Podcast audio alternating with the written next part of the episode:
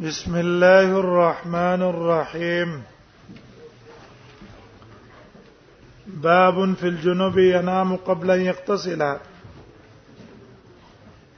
باب باند جنوب کې چې ودکیږي مخکې د غسل کورونه ایا د پاره د غسل کورونه مخکې د کېدلو له جایز دي کنه جائز دی وبه قال حدثنا هناد قال سنا ابو بكر بن عياش عن الامش عن ابي اسحاق عن الاسود عن عائشه قالت كان النبي صلى الله عليه وسلم ينام وهو جنب نبی صلی الله علیه وسلم به ودشو دا په حالت د جنابت کیو ولا يمسما ان دو معنی من وکړه دا یا مسما سره به وبد غسل نه راغسته او دا شکړه ده یا لا مسما د امام نووي راي ده سره وبلی دی راغستلی په باز اوقاتو کې واذا کو راجح موږ ترجیح دی لور کړی و امام ابو داود دی حدیث کې وهم ویل او کنه امام ترمذی مو وایي وبي قال سنا نات قال سنا وكيان سفيان نبي ساق نحوه قال ابو سعيد وهذا قول سعيد المصيب وغيره دا قول سعيد المصيب او د نور علما هم ده وقد روى غير واحد عن رسول الله عائشه عن النبي صلى الله عليه وسلم وی ګورا د ابو اسحاق نه په غیر چې نور کسان دي چې هغه د اسود نه روایت نقل کړی دی دا هغه پر روایت کې دی دي انه کان يتوضا قبل ان ينام وی نبی صلی الله علیه وسلم او دس کوو مخکې ده او د کېدونه او ابو اسحاق تراوله کېدو هم د دې اسود نه چې روایت نقل کو نو د روایت کې دا شو چې ومن غیره مسما سره اوبه دا اودس استعمال کړی نه بیا اودس ود شوی دی نو ګورم دقه د ابو د اسود شاګردان دي دوانه اوس دی وای امام ترمذی وايي وهذا صح من حديث ابي اسحاق او دا ډیر اصح دی د حدیث د ابي اسحاق نه له صحت لیکن هلته موږ جواب کړو چې ګوره تعارض به الوه چې اسود دا واقع دی یو شپې نقل کړه او بیا د شاګردانو اختلاف راغلی چې دا سوت نور شاګردان ویلې چې دا پلانکې شپه وا او ابو سا ابي ساق ویلې چې دا پلانکې شپه وا او دا کار به کې کړم به به تعارض به ال تمنګ ویل چې ګوره دا روایت به حقي سي دغه سي کړه لري ابن حبان سي کړه دار قطني سي کړه ابن قتيبه سي کړه او ویلې چې دا عائشه رضی الله عنها دواړه حالت ذکر کړي کله به او د سکو د بشو دا اکثر عملو کله به بغیر د او دس نه ودشو دا کله کله عملو اسود واړه نقل کړه د عائشه نه ابو اسحاق ته کم نقل کو ترک لزو او دغه ته ابو اسحاق ته راوله کې د ابو اسود نه ترک لزو نقل کو او د نور کسانو ته وزو نقل کو هیڅ مهارت نشته وقد روینا بساق وقد روانا بساق هذا الحديث او نقل کړی ابو اسحاق نه د حدیث شعبہ ثوری وغیر واحد ډیرو کسانو ته دا نقل کړی ويرون او دی وای چې ان هاذا غلط من ابي اسحاق ابو اسحاق په دې کې خطا شوی دی او امام ابو داود هم دا ویلو کنه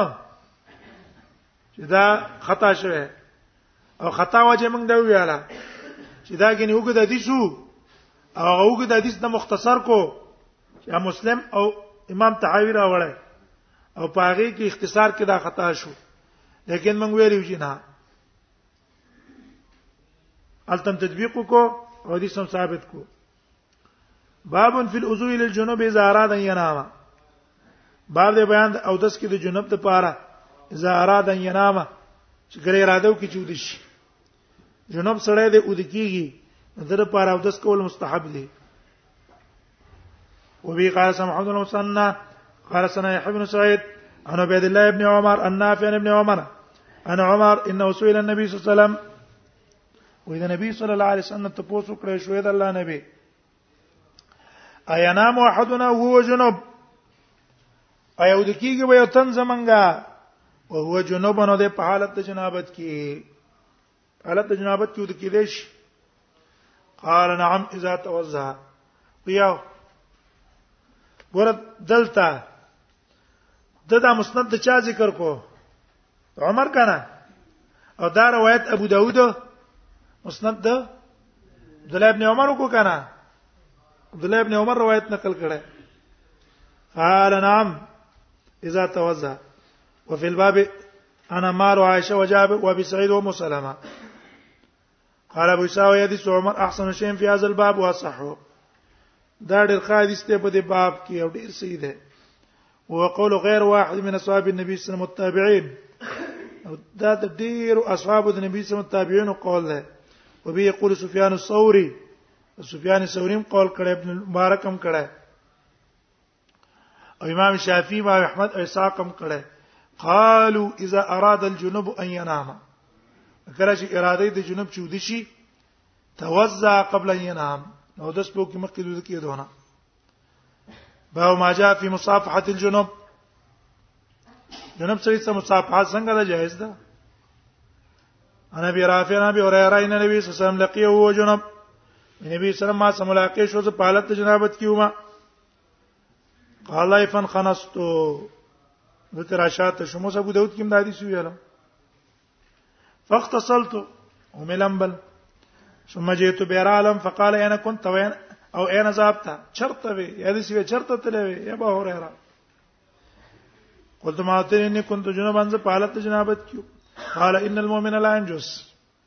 من خو نه پلیت کی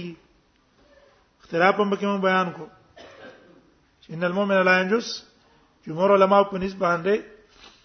دا قید احترازی نه ده بلکې مفهوم دی د خطاب نه د خطاب مسلمان څه دی او د داوودی ظاهری د باج علی زوایرو داوود نه باج علی زوایرو قول دا غي مذهب دا ده چې ردا پلیت ته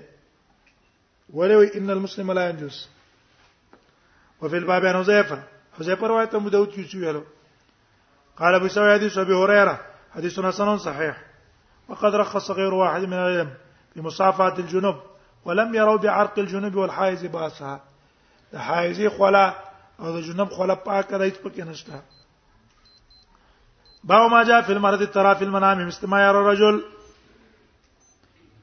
بعد بیان د دې کې چې خزه ویني په خوب کې مثل ما یرا الرجل لکه سړی چې څنګه ویني ماره خزه ته احتلام شو نو که خروج د نطفه ته شوی غسل وکړي او که خروج د نطفه ته نه شوی غسل په نشته